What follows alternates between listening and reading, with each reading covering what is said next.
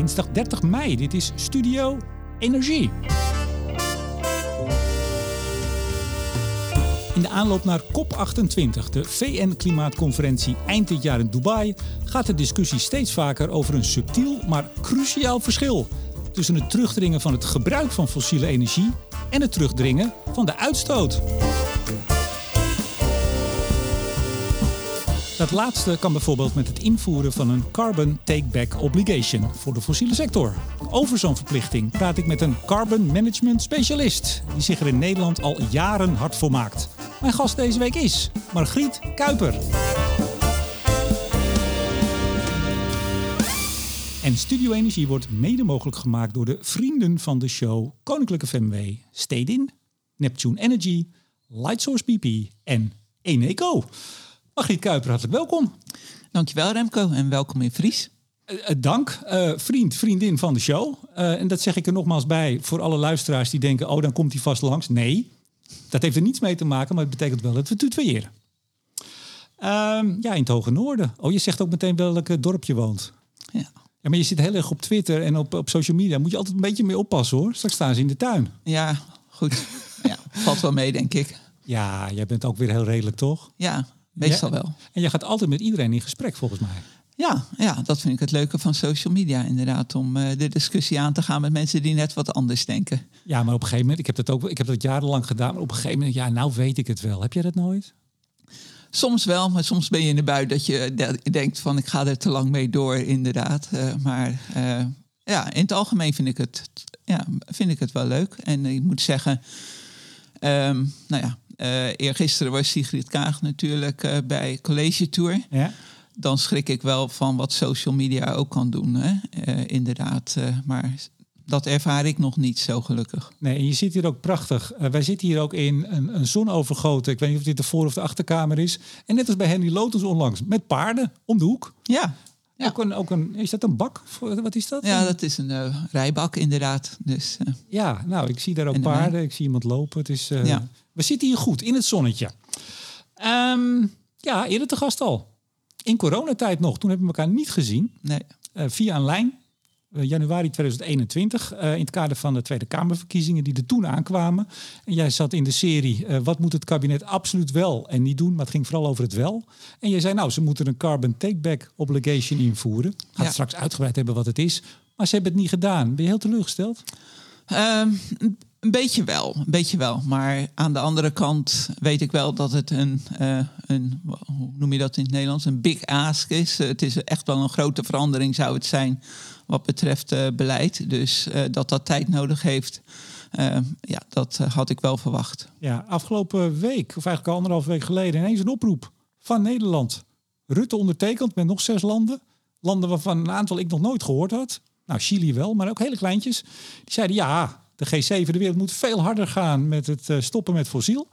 Dat ging weer een beetje in tegen de EU-lijn. Wat vond je van die brief?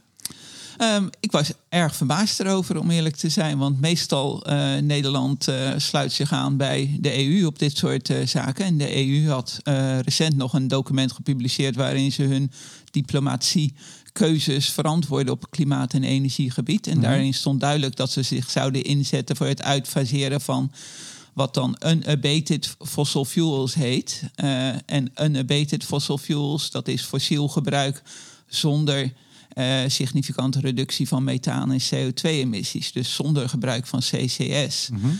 uh, en het uitfaseren van fossiel zonder dat woordje unabated.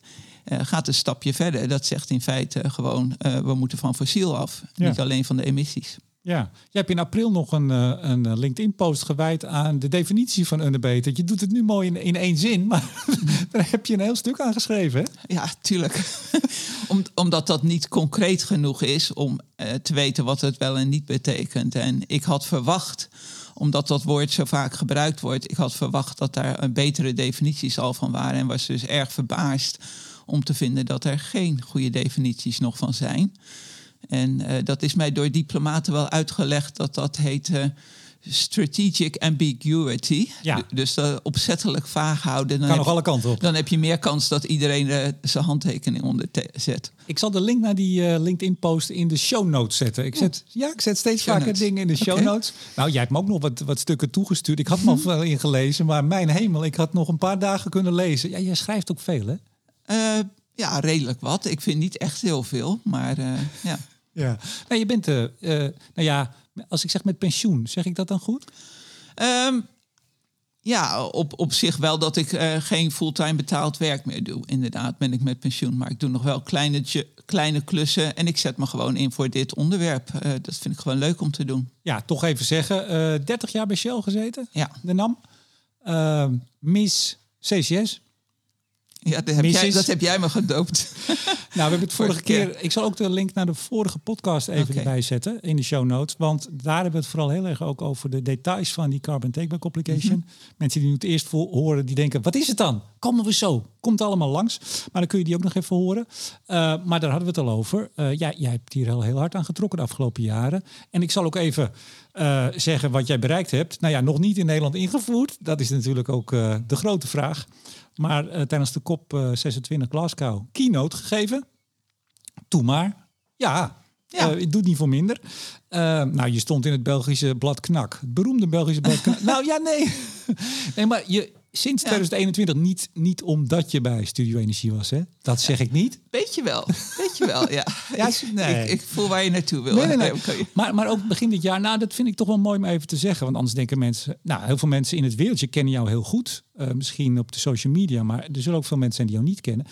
Ehm, begin dit jaar las ik een stuk in The, The Guardian met eh, Miles Allen. Dat is eigenlijk de, de geestelijk vader van de Carbon Table Application. 2009 mee begonnen. En eh, er was een artikel gepubliceerd in Environmental Research Letters. En ik zocht het op. En daar stond een van de co-auteurs, Margriet eh, Kuiper. Ja, bijna wetenschapper tegenwoordig. Nou ja, met drie mensen uit Oxford. Nou Ja. ja, je zit in, in eh, hoog gezelschap, laat maar zeggen. Ehm, en je maakt je wel eens flink boos. En dat is eigenlijk de aanleiding dat ik hier ben. Eh, we- dik weekje geleden, eh, toen, toen ging jij eh, deels in kapitalen schrijven op LinkedIn. The whole framing of this topic in the media is wrong and polarizing. Wat, wat is er mis? Wat, wat speelt hier? Waarom ben ik hier? Ehm, ja, dat was dat van eh, John Kerry, geloof ik. Eh, John Kerry, de, de klimaatgezant van de VS, ja, die zei het volgende. Zeg het maar. nee, zeg maar. Nou, als ik, als ik het goed begreep, en ik probeer het ook altijd samen te vatten. Die zei, ja, die olie- en gasbedrijven die roepen nu... eh, we gaan wel zorgen dat we het wel kunnen eh, blijven gebruiken, olie en gas... maar we gaan zorgen dat de uitstoot niet de lucht in gaat. Nou, laat ze dat maar eens bewijzen. En we moeten gewoon eigenlijk met minder fossiel. En dat is meteen toch het dilemma, hè? Ja, dat is inderdaad het dilemma. Want ehm, er wordt toch vaak een beetje gepretendeerd alsof dat twee keuzes zijn. Of meteen met minder fossiel. Of als je CCS gaat gebruiken, dat je dan nog veel langer veel fossiel blijft gebruiken. Terwijl de realiteit inderdaad is dat we hoe dan ook nog veel fossiel blijven gebruiken. Want het is op dit moment 80% van het systeem. Dus zelfs als je je lijntje heel strak naar beneden tekent in al die hoopvolle scenario's die we altijd maken. En zegt van nou het gaat in 2040 of 45 naar nul. Dan nog gaan we de komende jaren best wel veel eh, CO2 de lucht instoten. En is dus de vraag van wat doe je? Blijf je dat doen inderdaad? Of ga je toch proberen het merendeel daarvan al af te vangen en op te slaan? Ja, maar, maar, maar John Kerry is niet dom. Die snapt dat toch wel, denk je dan. Dus, dus nogmaals, misschien zei ik het net niet helemaal goed... maar het gaat dus om wat ik in de intro zei... Ja. we moeten minder olie en gas gebruiken. Nou, we komen straks op de Neder- Nederlandse regeringsreactie. Die gaat ook die kant op. Of, en of moeten we het misschien nog wel blijven gebruiken, maar die uitstoot niet de lucht in. Dat is een eh, subtiel, maar Ja. zeer belangrijk verschil. Ja. Kerry snapt dat toch wel? Ehm, ik denk dat hij het wel snapt, maar Kerry staat natuurlijk ook, eh, moet politiek ook natuurlijk scoren bij eh, verschillende groepen. En je ziet dat mensen die klimaatgezant zijn, toch met name aardig willen gevonden worden, ook door de meer eh, mensen die meer radicale verandering willen. Dus ik heb het idee dat hij dat gewoon probeert in balans te houden in zijn publieke statements. Hij heeft wel steeds meer en meer gezegd. Eh, hij gaat een beetje richting toe van dat hij de industrie inderdaad aan het uitdagen is van laat dan maar zien dat je het kan. Maar ik, Dat is op zich goed. dat vind ik op zich goed, Ja. maar hij is van de overheid. Dus maak het dan regelgeving. Want dat is een ander ding waar ik me ook kwaad over kan maken. Is dat mensen maar uh, blijven afgeven op olie- en gasbedrijven. Maar dan in de volgende zin wel een soort moreel appeal doen van doe het maar vrijwillig zonder regelgeving en laat mij zien dat je een goed bedrijf bent. Uh, en zo werkt het gewoon niet.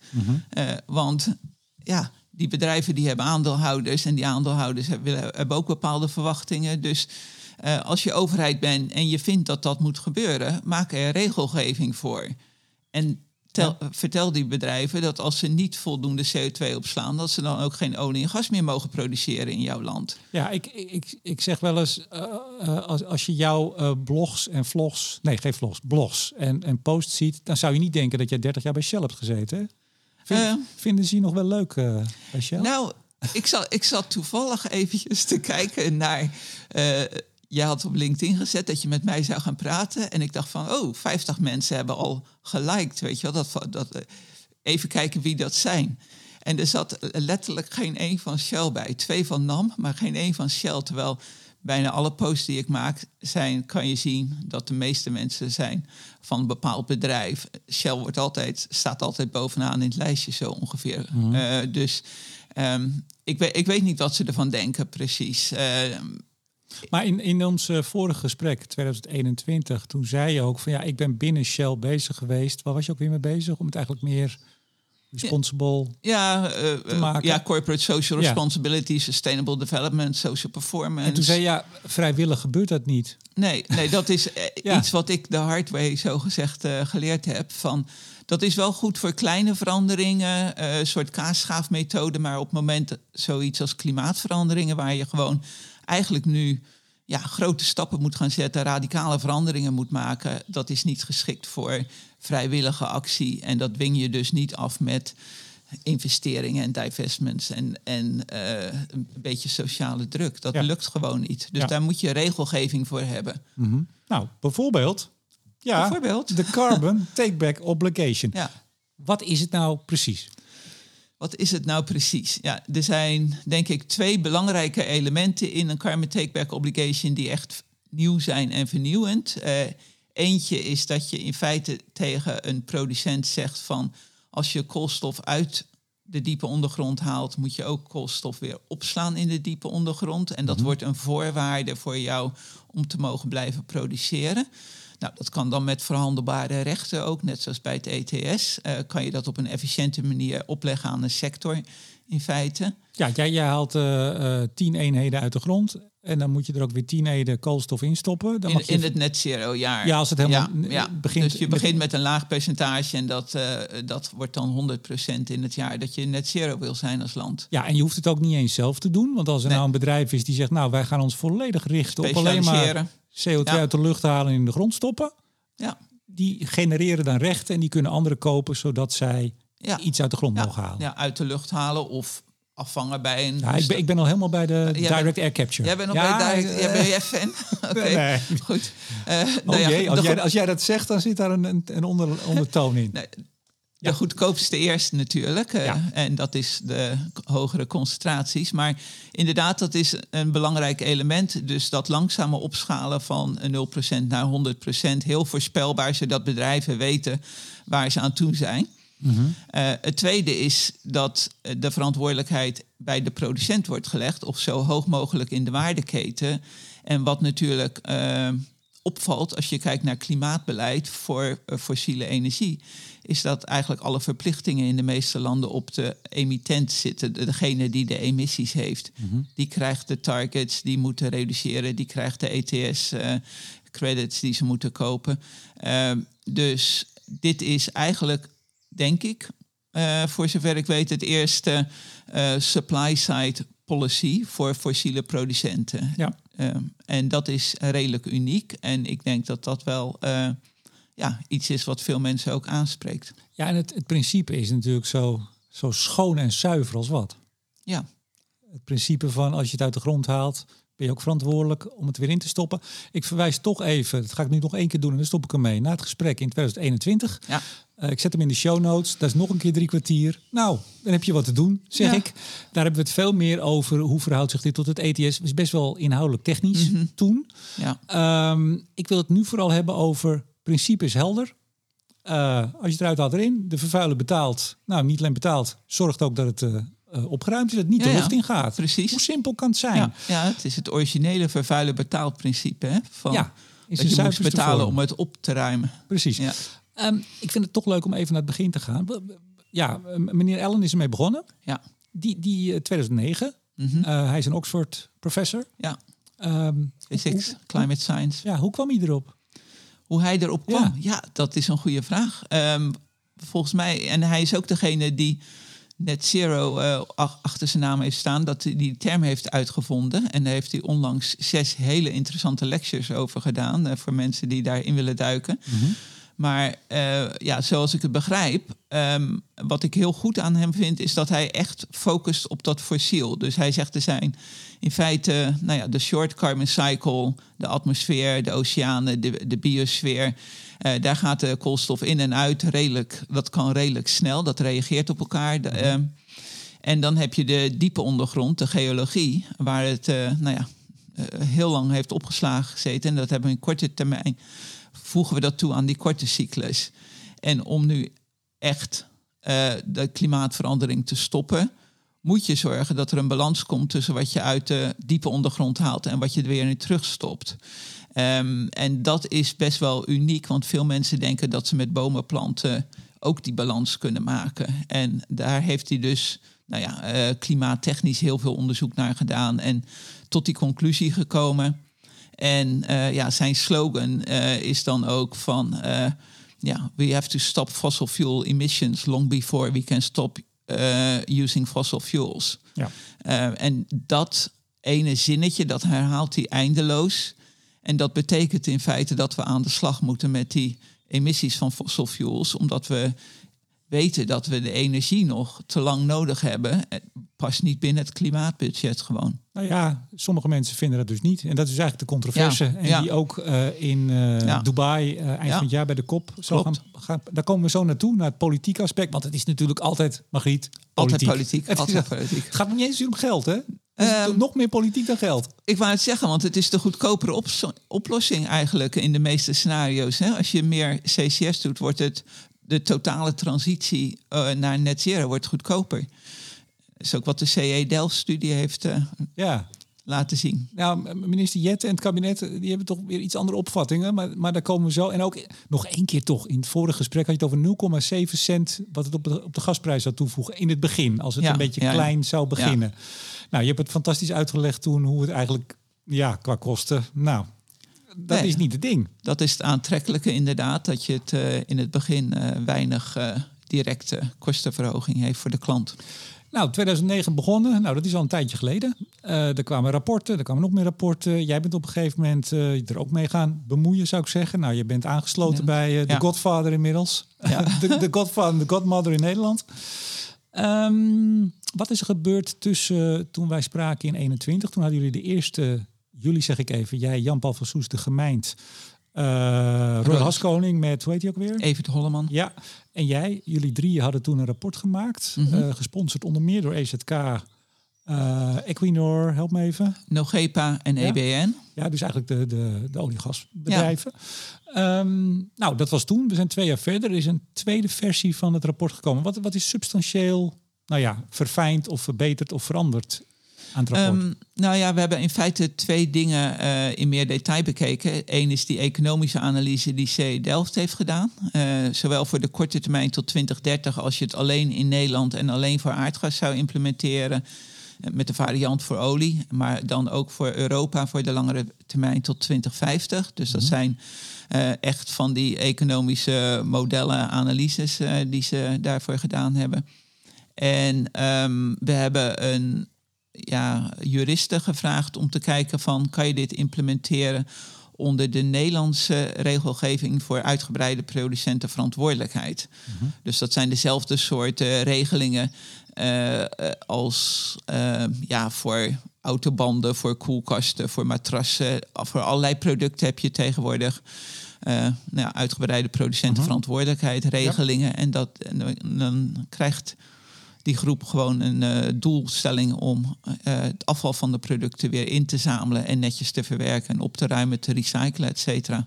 Dus, dus als ik het goed begrijp, meer een bijna praktische uitwerking hoe ja, dat dan zou kunnen of moeten functioneren. Dat, dat was de snelste manier uh, om hem onder een Nederlandse regelgeving te implementeren, mhm. dachten we. Uh, maar dat bleek niet uh, helemaal waar te zijn, omdat CO2 emissies naar lucht niet onder afval vallen in Nederland.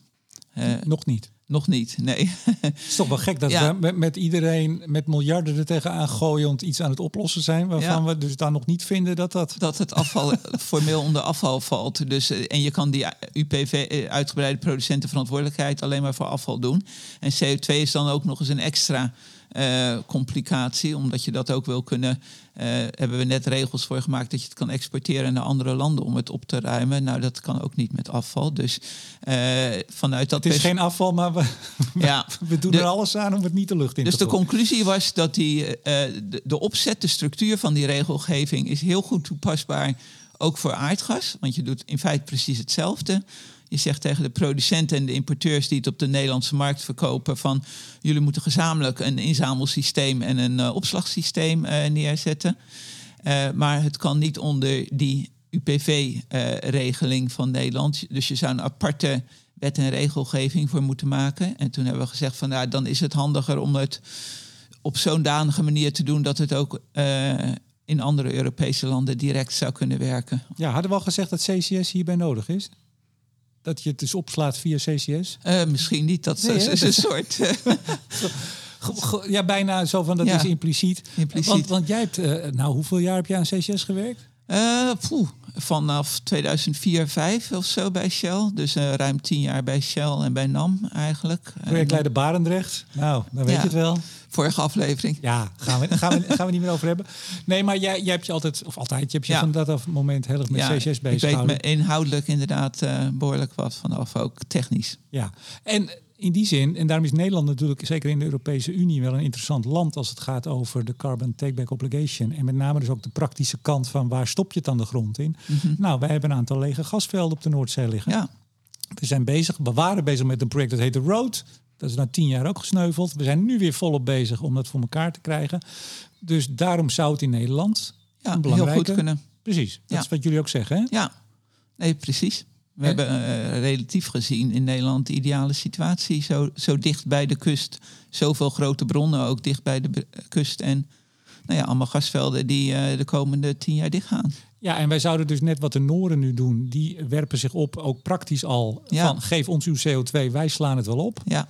Uh, zouden wij dat ook kunnen doen? En zouden we ook kunnen zorgen, bijvoorbeeld, het voorbeeld heb je ook wel eens gegeven, dat een Afrikaans land wat nog heel veel gas heeft en dat naar boven wil mhm. halen om zich ook te ontwikkelen mm -hmm. als land, ja. rijker te worden of minder arm, die zouden dan bij ons bijvoorbeeld van die credits kunnen kopen, zodat het neutraal is. Ja, nee, goed. Ja. Uh, uiteindelijk elk land waar wat uh, carbon takeback obligation impl uh, implementeert, wordt uitwisselbaar. Dus uh, als Noorwegen en Nederland het allebei implementeren, dan kan Noorwegen als ze gas aan Nederland verkopen ook opslagcredits kopen in Nederland. Ja. Nou, dan hebben jullie je tweede versie van het rapport gemaakt. Er zijn nog allerlei andere rapporten verschenen. Er zijn allerlei partijen nu mee bezig. Jij bent naar KNAK geweest en je bent eh, de hele wereld over lezingen geven. Fantastisch. Dan komen we uiteindelijk met een rapport. Dat gaat ook naar de Tweede Kamer, want EZK was mede-opdrachtgever. Ja. Daar worden vragen gesteld uiteindelijk aan de minister. En die reageert dan januari dit jaar ja. met een briefje. Ja. Over de Carbon Takeback Obligation. Ja, drie keer uitgesteld. Want het had al in augustus moeten komen. Toen kwam het in oktober. En toen, hij moest er goed naar kijken. Hij moest er heel goed over nadenken. Nou, uh, uh, mevrouw Kuiper, wat, wat zegt de minister en wat zegt dit kabinet?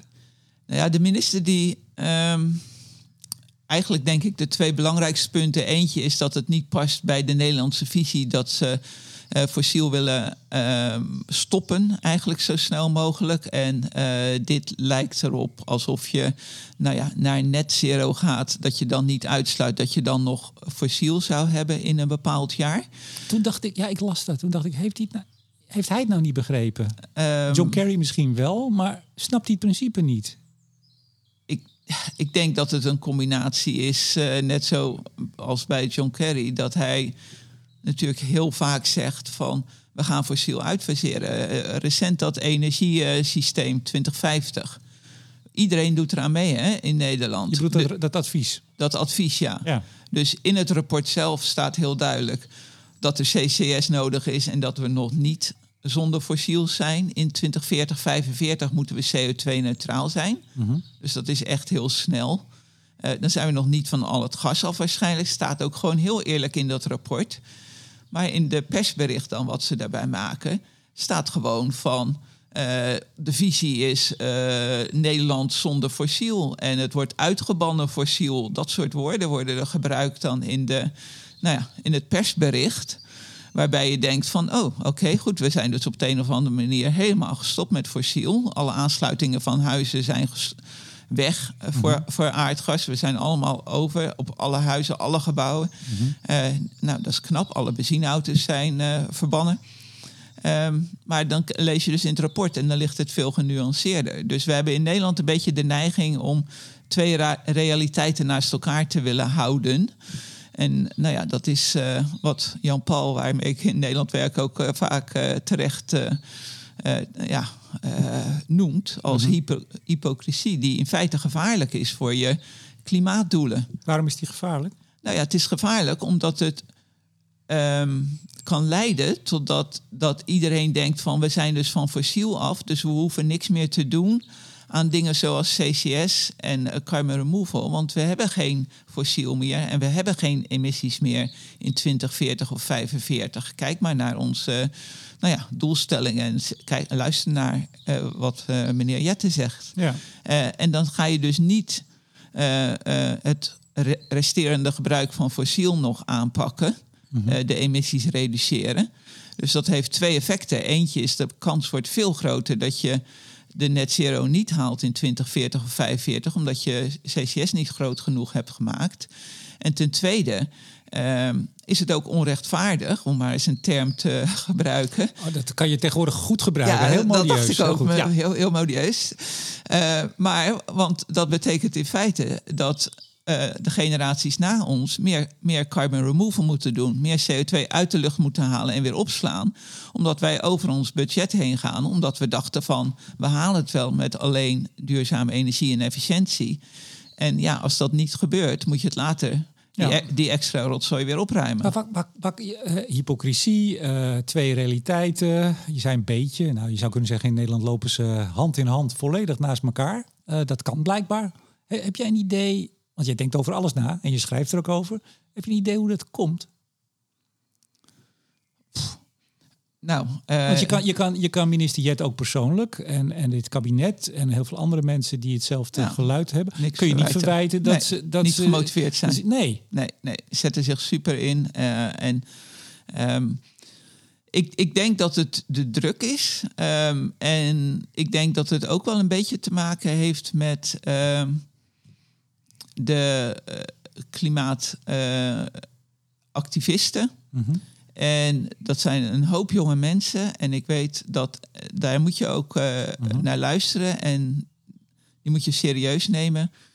Maar die hebben natuurlijk wel een redelijk beperkt beeld van wat de realiteit is en wat mogelijk is. En als je daar populair bij wil blijven en daarin mee wil gaan, ja, dan ga je dingen zeggen volgens mij die je in je achterhoofd wel weet dat die niet erg realistisch zijn. Ja, wij, wij nemen dit op maandag op. Ik heb vanochtend een, uh, een tweetje gezet. Het is een AD-artikel, maar ook in andere uh, kranten.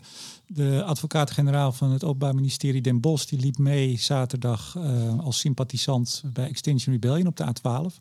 Ja. En de quote die daar in de intro in het artikel staat... is dat hij zegt, citaat... dit, de, de politiek doet helemaal niets aan klimaatbeleid.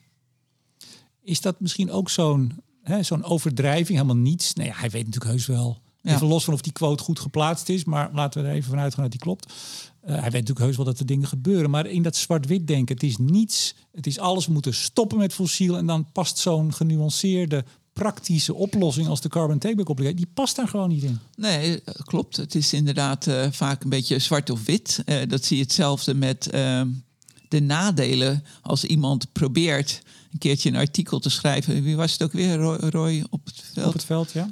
Een, een artikel te schrijven over de nadelen van een al te snelle transitie waardoor je hoge energieprijzen, uh, volatiele energieprijzen en nou ja, allerlei andere sociaal-economische effecten kan Die krijgen. Die we vorig jaar onder andere gezien hebben door Rusland en uh, de energiecrisis. Precies. En nou ja, wat ook tot energiearmoede kan leiden. En ook weer tot mensen die in feite gewoon vroeg overlijden, te vroeg overlijden door uh, nou ja, dat ze de, de kachel niet aan kunnen zetten in de winter. Hè? Dus het, het heeft. Ja, sorry, ik, ik, laat het even zeggen voor mensen die het niet hebben meegekregen. Die Economist heeft een uitgebreide data-analyse ja. gemaakt. Eerst een modelberekening al vorig jaar. En komen tot de conclusie dat er in de EU 68.000 mensen eerder zijn overleden door de hogere energieprijzen. Ja. En dan zeg ik altijd, nou, dat hang, hang het niet op aan de exacte getallen. 10.000 meer of minder, maar, maar, maar als de helft mensen, is, is nog veel. Precies, en dat doet dus niks, zo'n verhaal. Nee, nee, want dat zijn anonieme doden, zo gezegd, uh, denk ik. Dat denk ik dan maar. Statistisch. Uh, er zijn zelfs mensen die je hoort zeggen van... Uh,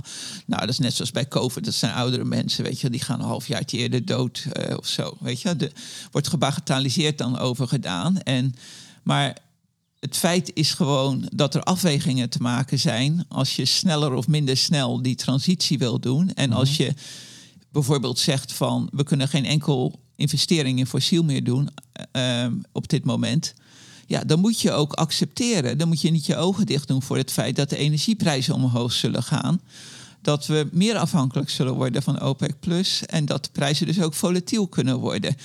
Uh, en ja, dat heeft ook consequenties. En dan zeggen mensen, dat is economisch, kan de overheid wel weer compenseren. Gooi er een miljardenpakketje tegenaan. Maar niet elke overheid kan dat doen uh, wereldwijd. Dus er zijn het is gewoon echt uh, ja, niet rechtvaardig om uh, de energieprijzen gewoon maar uh, heel hoog te laten worden. En ook nog eens een keertje heel veranderlijk de komende 10, 20 jaar. En dat is wel het risico wat we nemen als we gewoon keihard zeggen van geen enkel nieuw fossiel project niet meer. meer. Ja, maar in, in die brief zegt, zegt Jette dus inderdaad, ik, ik vat het maar even samen. Ja, als we dit doen, dan zullen we langer fossiel gebruiken. Maar daar zegt hij niet bij met geen uitstoot, of eigenlijk niet. We nee. verminderen, jullie verminderen ja, ja. met die obligation de uitstoot. Ja. Uiteindelijk gaat hij naar nul. Kun je nog steeds olie en gas gebruiken, maar geen uitstoot. En hij, ja, maar ja, dan verlengen we fossiel. En dat uh, past niet in het uh, Nederlands klimaatbeleid. Nee, en hij noemt daar niet bij wat de voordelen zijn uit het CE-rapport, waaruit duidelijk blijkt dat je het met grotere zekerheid kan halen en dat er dus lagere energieprijzen zijn, lagere ETS-prijzen ook. Dus dat het economisch gezien ook heel veel voordelen heeft uh, om het wel op die manier te doen. Het past niet in de beleidsrealiteit. Uh, nee, nou ja, in het, in, in, in het beleidsplaatje uh, wat gecreëerd is. Ik, ik, las die brief en ik moest ontzettend denken aan uh, Balken en de Vier, 2007-2010, toen de Milieubeweging een klimaatwet voorstelde. Dat was in Engeland was dat gelukt. Ja. En Milieudefensie, Friends of the Earth, die probeerde dat in allerlei andere Europese landen voor elkaar te krijgen, ook hier. En Balken de 4 was net begonnen met een enorme ambitie, hè? 30% reductie van broeikasgassen in 2020. Uh, 20% hernieuwbare energie in 2020. Het waren ja. forse doelen. En ik weet nog goed de reactie van, um, van Balkende, maar met name minister Kramer natuurlijk. Uh, ja, ja, nee, maar het is, uh, je, moet, je moet wetten maken als het nodig is. Als het, echt, als het niet anders lukt. Maar kijk eens wat wij een prachtig uh, beleidspakket hebben ontwikkeld. Dat is natuurlijk ook, Margriet, wel inherent aan een kabinet dat begint. Die hebben het uitgeknobbeld met z'n vier in dit geval. Nou, dan gaan ze het doen. En dan komt er iemand en een rapport. En die zegt, ja, maar als je het nou zo doet. Ja, dat past dan gewoon niet. Nou, dat, dat heb ik ook gemerkt. Dat... Um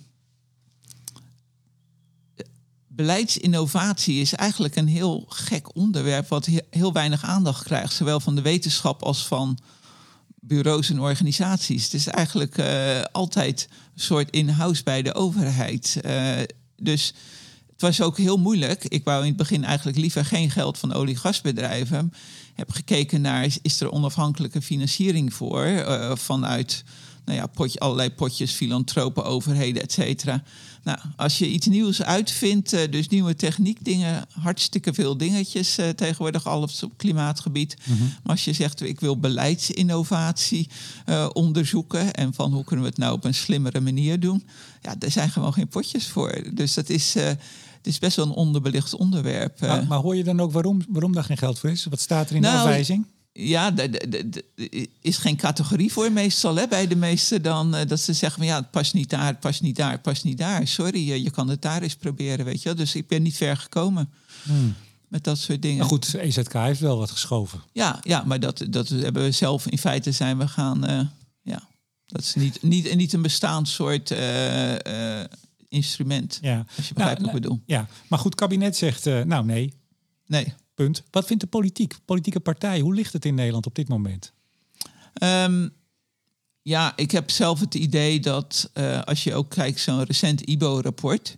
Uh, dan zijn er weer waar, 260 maatregelen of zo. Of, uh, Best veel. Het, waren er heel veel.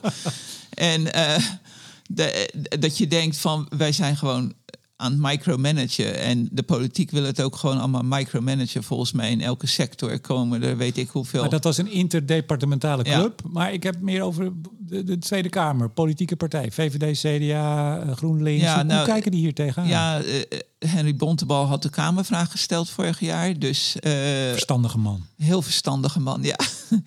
ja, is ook beroemd geworden. Hè? maar ehm, ja ik, ik denk dat in het algemeen uh, zijn die politici gewoon niet echt veel verder aan denken als uh, vandaag, volgens mij. Uh, dus, de handen zijn niet op elkaar in de Kamer. De handen zijn niet op elkaar in de Kamer. En we hebben in. We hebben wel wat positieve reacties van mensen bij het wetenschappelijke bureau van GroenLinks gehad, ook op een gegeven moment. En okay. Ja. ja, dus... Uh, en, en, de NGO's, als we nou toch meteen... Pakken we meteen even door naar... Pakken we meteen even door. Milieu, de, uh, nee, uh, Natuur en Milieu was onderdeel van de klankbordgroep in, bij de studies. En nou. vindt het een interessant instrument... wat een, een, waardevolle aanvulling kan zijn. het, mits het maar nou ja, gegarandeerd wordt dat het geen lock-in geeft en zo natuurlijk. Dus mits, mits, mits. Ja, die, die hebben de afgelopen jaren zo gezwabberd over CCS. Nu zijn ze weer helemaal voor. Maar ja. Margriet, het kan zomaar weer de andere kant op gaan. Je weet het niet. Nee, goed. En uh, nou ja, goed, uh, partijen als uh, Milieudefensie, die zijn in feite gewoon tegen CCS. Dus die vinden het heel moeilijk om iets positiefs te zeggen over een beleidsinstrument wat in feite CCS aanmoedigt. Ik wil even er wel bij zeggen dat we hebben het steeds over CCS, maar het gaat erover dat je permanent koolstof moet opslaan. Dus toch even noemen, uh, je had Polknops hier een paar weken geleden, geloof mhm. ik. Uh, mineralisatie is ook permanente opslag. Dat is ook goed. Zolang dat koolstof maar permanent is opgeslagen, geologisch, mineralogisch of wat dan ook. Ja, je uh, zegt ook niet in een bos, want dan kan de fik in en dan ben je nog precies, weg. Dat is, dan zit het in de korte carbon-cyclus nog. Maar mhm. als je het in gesteente doet of je doet de uh, pyrolysis tegenwoordig natuurlijk ook uh, torrefactie. Dan krijg je gewoon zwarte koolstof. Dat kan je ook ergens permanent opslaan. Mm Duitsland had op een gegeven moment het idee om dat allemaal in de kolenmijnen te gooien. Dan als je zoveel maakt. Ja. Uh, dat je het niet meer kan gebruiken, dat je het dan permanent opslaat in oude kolenmijnen. De olie- en gasbedrijven, hoe kijken die hier tegenaan? Nou, de eerste uh, studie werd dus mede gesponsord door uh, Equinor en Nogepa. tweede was Element NL, dus mhm. ook Nogepa. EBN. En EBN en uh, eh, BP uh, eh, ook gesponsord. Dus de olie- en gasbedrijven zijn wel geïnteresseerd. Maar um, ik heb het idee... zucht. Diepe zucht, diepe zucht. Uh, wat, ze, wat ze nog niet doen, we hadden het er net over van wat kan je nou realistisch verwachten van olie- en gasbedrijven. Ik verwacht dus niet meer dat ze in er eentje vooruit gaan lopen en zelf CCS-projecten gaan doen als die nog niet economisch zijn. Of, of duurzame energieprojecten als ze niet uh, de return on investment uh, halen die ze moeten halen. Dus die illusie ben ik kwijt. Maar ik vind wel dat ze veel harder moeten lobbyen voor de wet en regelgeving die ze nodig hebben om die net zero beloftes waar te maken. Want ook de olie- en gasbedrijven doen wat Jette doet, meegaan in, in dat frame van ja, uh, net zero goals, inclusief scope 3 voor 2050. Uh, ja, yes, we can. Yes, we can. Daar werken wij hard aan. Uh, Dus die doen daar ook aan mee. Ehm, en die zeggen niet eerlijk van. Eh, maar als we eens even kijken naar de bestaande wet en regelgeving, dan komen we eigenlijk maar tot 50 of 60 procent reductie, verzin maar wat. En die andere 40 procent, daar ontbreekt nog wet en regelgeving voor. En die gaan we echt niet in ons eentje doen. Maar Margriet, is het ook niet gewoon een kwestie van tijd? Want zoals je met die klimaatwet, Ja, dat werd eerst bijna weggelachen. Ach, helemaal niks. Nou, uiteindelijk hebben we er een. Niet eentje met tanden, zeg ik er, zeg ik er ook meteen bij. Maar wel, die is Ja. ingehaald in Nederland door de Europese. En die Europese is mede gekomen omdat er in allerlei landen eh, Iets was. iets was. Hè? Ja. Dus in die zin, nou, Nou, zo kan je verrast worden. Want Ja. Europa die heeft recentelijk natuurlijk wel in de Net Zero Industry Act een 50 megaton eh, storage requirement in feite op de producenten neergelegd. Eh, dus dat is, ja, het, het is voor één jaar en eenmalig op dit moment. Eh, maar het is precies het principe wat wij natuurlijk voor geargumenteerd hebben van die producenten hebben alle kennis in huis. Die hebben de assets in huis nog, de olie, gasvelden. Die hebben op dit moment ook al het geld in huis. Dus die kunnen heel goed eh, zorgen dat er op tijd opslagcapaciteit is. En dat zijn langdurige trajecten, dus daar moet je tijdig mee beginnen. dus daar zie je wel een lichtpunt. Daar zie ik een groot lichtpunt. Ja, dat eh, dat, dat in feite, eh, en dat ziet eh, de EU zelf ook wel een beetje als een doorbraak. eh, En ja, wat ik ervan hoor, achter de schermen, zijn ze ook wel van plan dat erin te houden. Ondanks dat de olie- en gasbedrijven heel zuinigjes kijken van... nou, fijn dat CCS nu wordt belangrijk gevonden... want plots, alle olie- en gasbedrijven zijn plotseling voor CCS... waren ze 10, 15 jaar geleden ook niet. Eh, maar nu zijn ze openlijk voor CCS... Eh, maar een verplichting vinden ze wel wat ver gaan. Dat Ja. is niet nodig. Het kan op een andere manier. En meestal wordt de andere manier is subsidies. Eh, dus ze houden op zich nog steeds vaak liever de hand op voor subsidies dan dat ze om duidelijke regelgeving vragen. Nou, tien jaar nadat eh, die klimaatwetvoorstel er was door met name Nederland Milieudefensie. Tien jaar later pleitte eh, Shell voor een eh, klimaatwet. Minister Kramer, die hem ook niks vond, die zei... we moeten een klimaatwet hebben. Dus Ja. over tien jaar staat Jetten... we moeten een carbon take-back Ja. application hebben. Dan zit hij in een of andere mooie adviesraad... of is hij ergens bij een NGO zit hij dan. Je weet het niet. hey, even ehm, de kop. Eind van het jaar in Dubai. Ja, Nou, daar is dus, want dat is ook mede de aanleiding eigenlijk voor dit gesprek. Eh, ja, noem het toch maar gewoon con- controverse. Hè? Is Ja. het nou unabated fossil of gaan we gewoon fossil weg, wegduwen? De, de UAE, de, de Emiraten, voorzitter van, eh, van het spul, die zeggen ja, we moeten het hebben over minder emissie van Ja. olie en gas. Dat is niet zo heel gek, want ze hebben nogal wat van het spul. Ehm, nou ja, en dan staan eh, westerse landen tegenover die zeggen nee, jetten voorop op dit moment nog. Eh, nee, we moeten gewoon minder fossiel. En dat moet dan samen in het najaar daar in de woestijn tot iets leiden.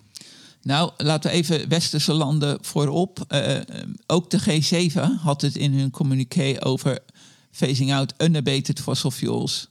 Oké. Dus eh, eh, negen van de tien documenten, de- de- daarom was het ook zo opmerkelijk, dat documentje wat je aan het begin aanhaalde, dat daarin stond phasing out abated fossil fuels.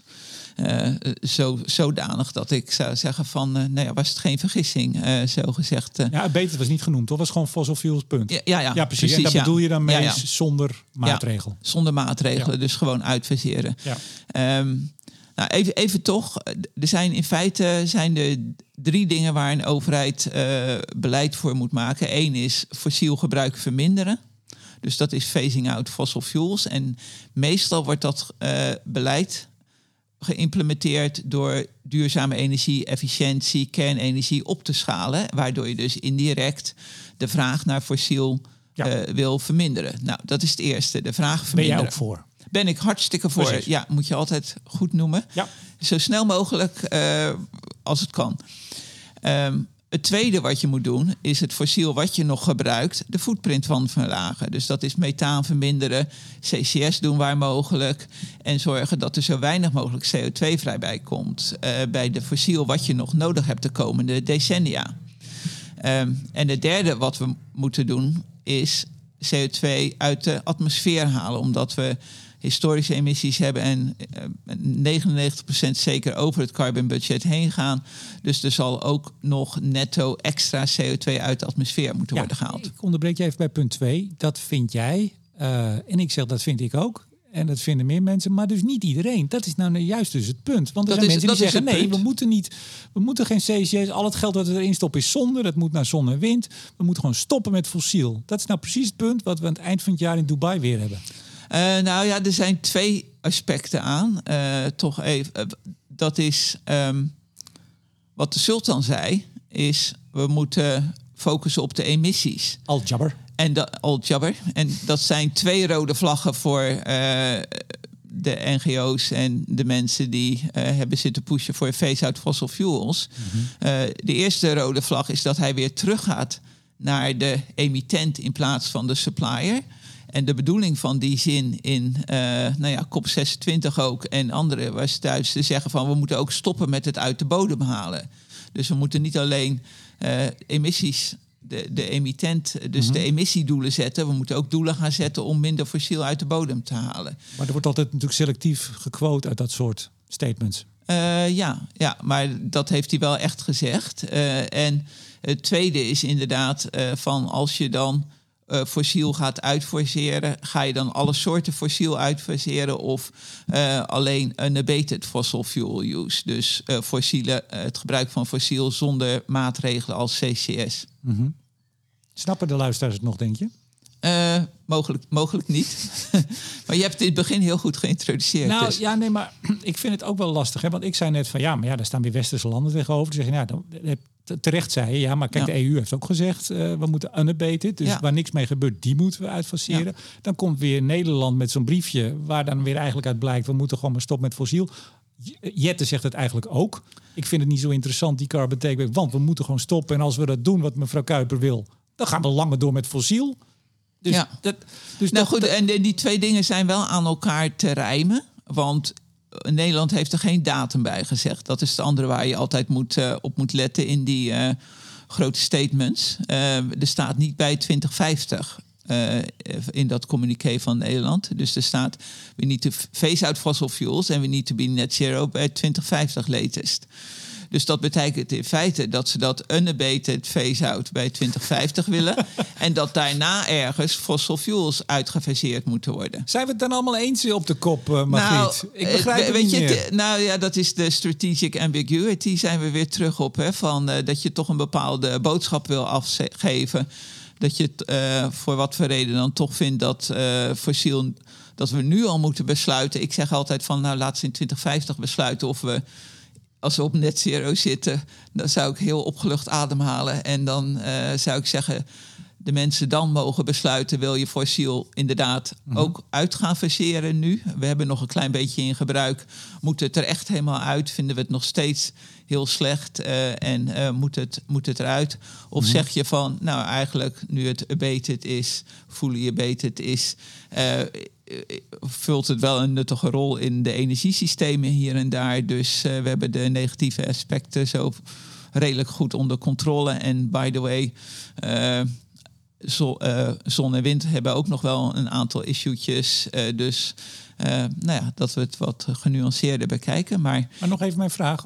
Is er nou niks aan de hand op de kop 28? Valt iedereen elkaar in de armen? Zijn we het allemaal eens? Want op de vorige nee. kop was er juist Nee. een verschil tussen het uitfaseren van fossiel Ja. of het uitfaseren van de emissies.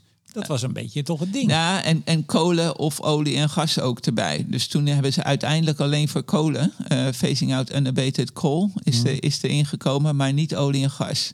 Dus in de eh, vorige kop in Egypte heeft India toen, die kreeg de zwarte piet van eh, in kop 26, omdat die tegen dat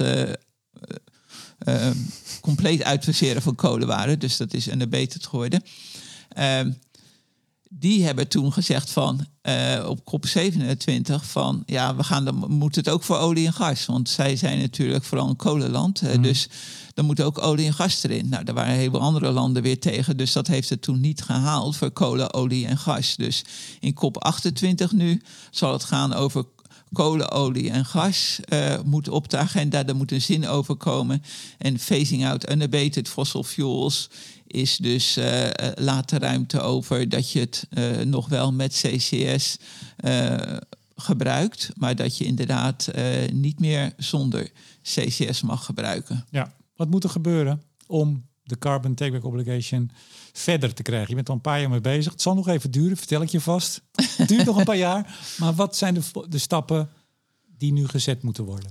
Um, nou ja, onze strategie richting die kop is uh, de erkenning van het belang van geologisch net zero. Dus dat je inderdaad uh, als een land of een bedrijf heeft gezegd van wij committeren ons aan net zero, dat er dan uh, ook moet worden gezegd dat moet geologisch net zero zijn. Dus fossiel wat nog uit de bodem wordt gehaald, wordt permanent opgeslagen. niet, niet wat bomen planten. Uh, niet, niet, niet bomen planten. De, bomen planten is niet slecht. Nee, nee, maar niet Even voor de duidelijkheid. Uh, voordat ik uh, een heleboel mensen over me heen krijg. Ik ben helemaal voor bomen planten. Ja, we zitten hier midden in het groen. Midden in het groen.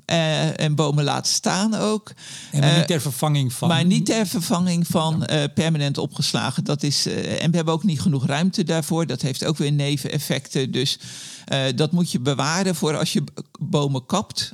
Voor houtbouw en voor helder, andere dingen moet je, moet je bomen planten. Dus dan moet iets over, het liefst iets inkomen over geologische... Ja, er uh, moet iets over ja? geologisch net zero. En de producenten moeten gewoon echt uh, iets met iets komen, iets meer komen dan we gaan onze eigen emissies reduceren. Weet je wel? Da daar zitten ze nu een beetje op van we gaan onze eigen scope 1 uh, reduceren en we gaan wat aan onze methaanemissies doen.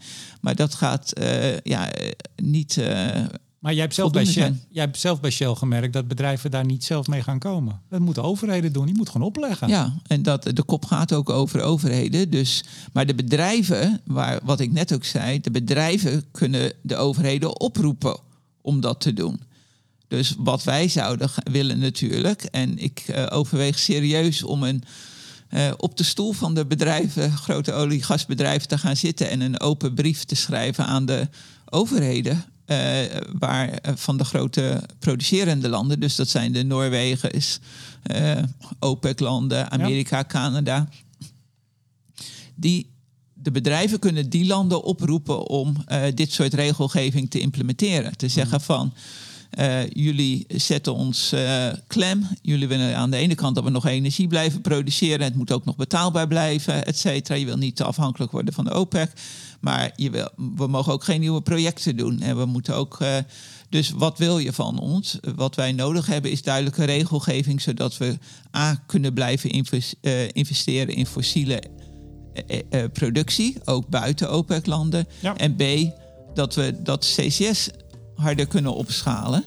Want dat is gewoon nodig. Ja. Want we moeten unabated fossil fuel use uitfaseren. Dus elk nieuw project moet een element van CCS erin hebben. Misschien moet je weer bij Shell gaan werken. Uh, nee joh. Dit dan, kan je het, dan kan je het uit naam van Shell doen. Ja, dit is veel leuker. Want anders moet je steeds langs al die woordvoerders en de juristen... voordat je iets mag zeggen buiten. Ga je tussen 30 november en 12 december naar Dubai? Uh, hoop het wel, ja. Ja, ga je erheen? Nou, ik hoop het wel. Ja, als het even kan, maar dat is, hangt een beetje af hè, of het betaalbaar is uh, natuurlijk. Het moet wel. Maar kun je, kun je niet... Nee, maar je zit echt in, jij zit in internationale kringen met, uh, ja. met The Godfather en met allerlei clubs, Oxford en, en noem maar op. Ja, die zullen wel gaan. Die, zullen die hebben, gaan? Die, ja, die hebben dus ook uh, NGO-status. Vorig jaar heb ik ook, ben ik ook mee geweest als onderdeel van een universiteitsdelegatie naar Glasgow. Dus dan krijg je een toegangticket. Uh, zo gezegd. Uh, dus dat is op zich niet zo moeilijk. Maar het is vaak wel heel moeilijk om een beetje uh, betaalbaar hotel te krijgen in de buurt. Dat gaat vast geregeld worden. Margriet. Wie weet, ja. Carbon Management Specialist, jawel, Margriet Kuiper. Hartelijk dank voor het gesprek. Ja, jij ook. Bedankt. En uiteraard bedank ik ook jullie beste luisteraars. En in het bijzonder alle vrienden van de show, waaronder Koninklijke FMW, Stedin, Neptune Energy, Lightsource BP en Eneco. Mijn naam is Remco de Boer. Graag tot de volgende week.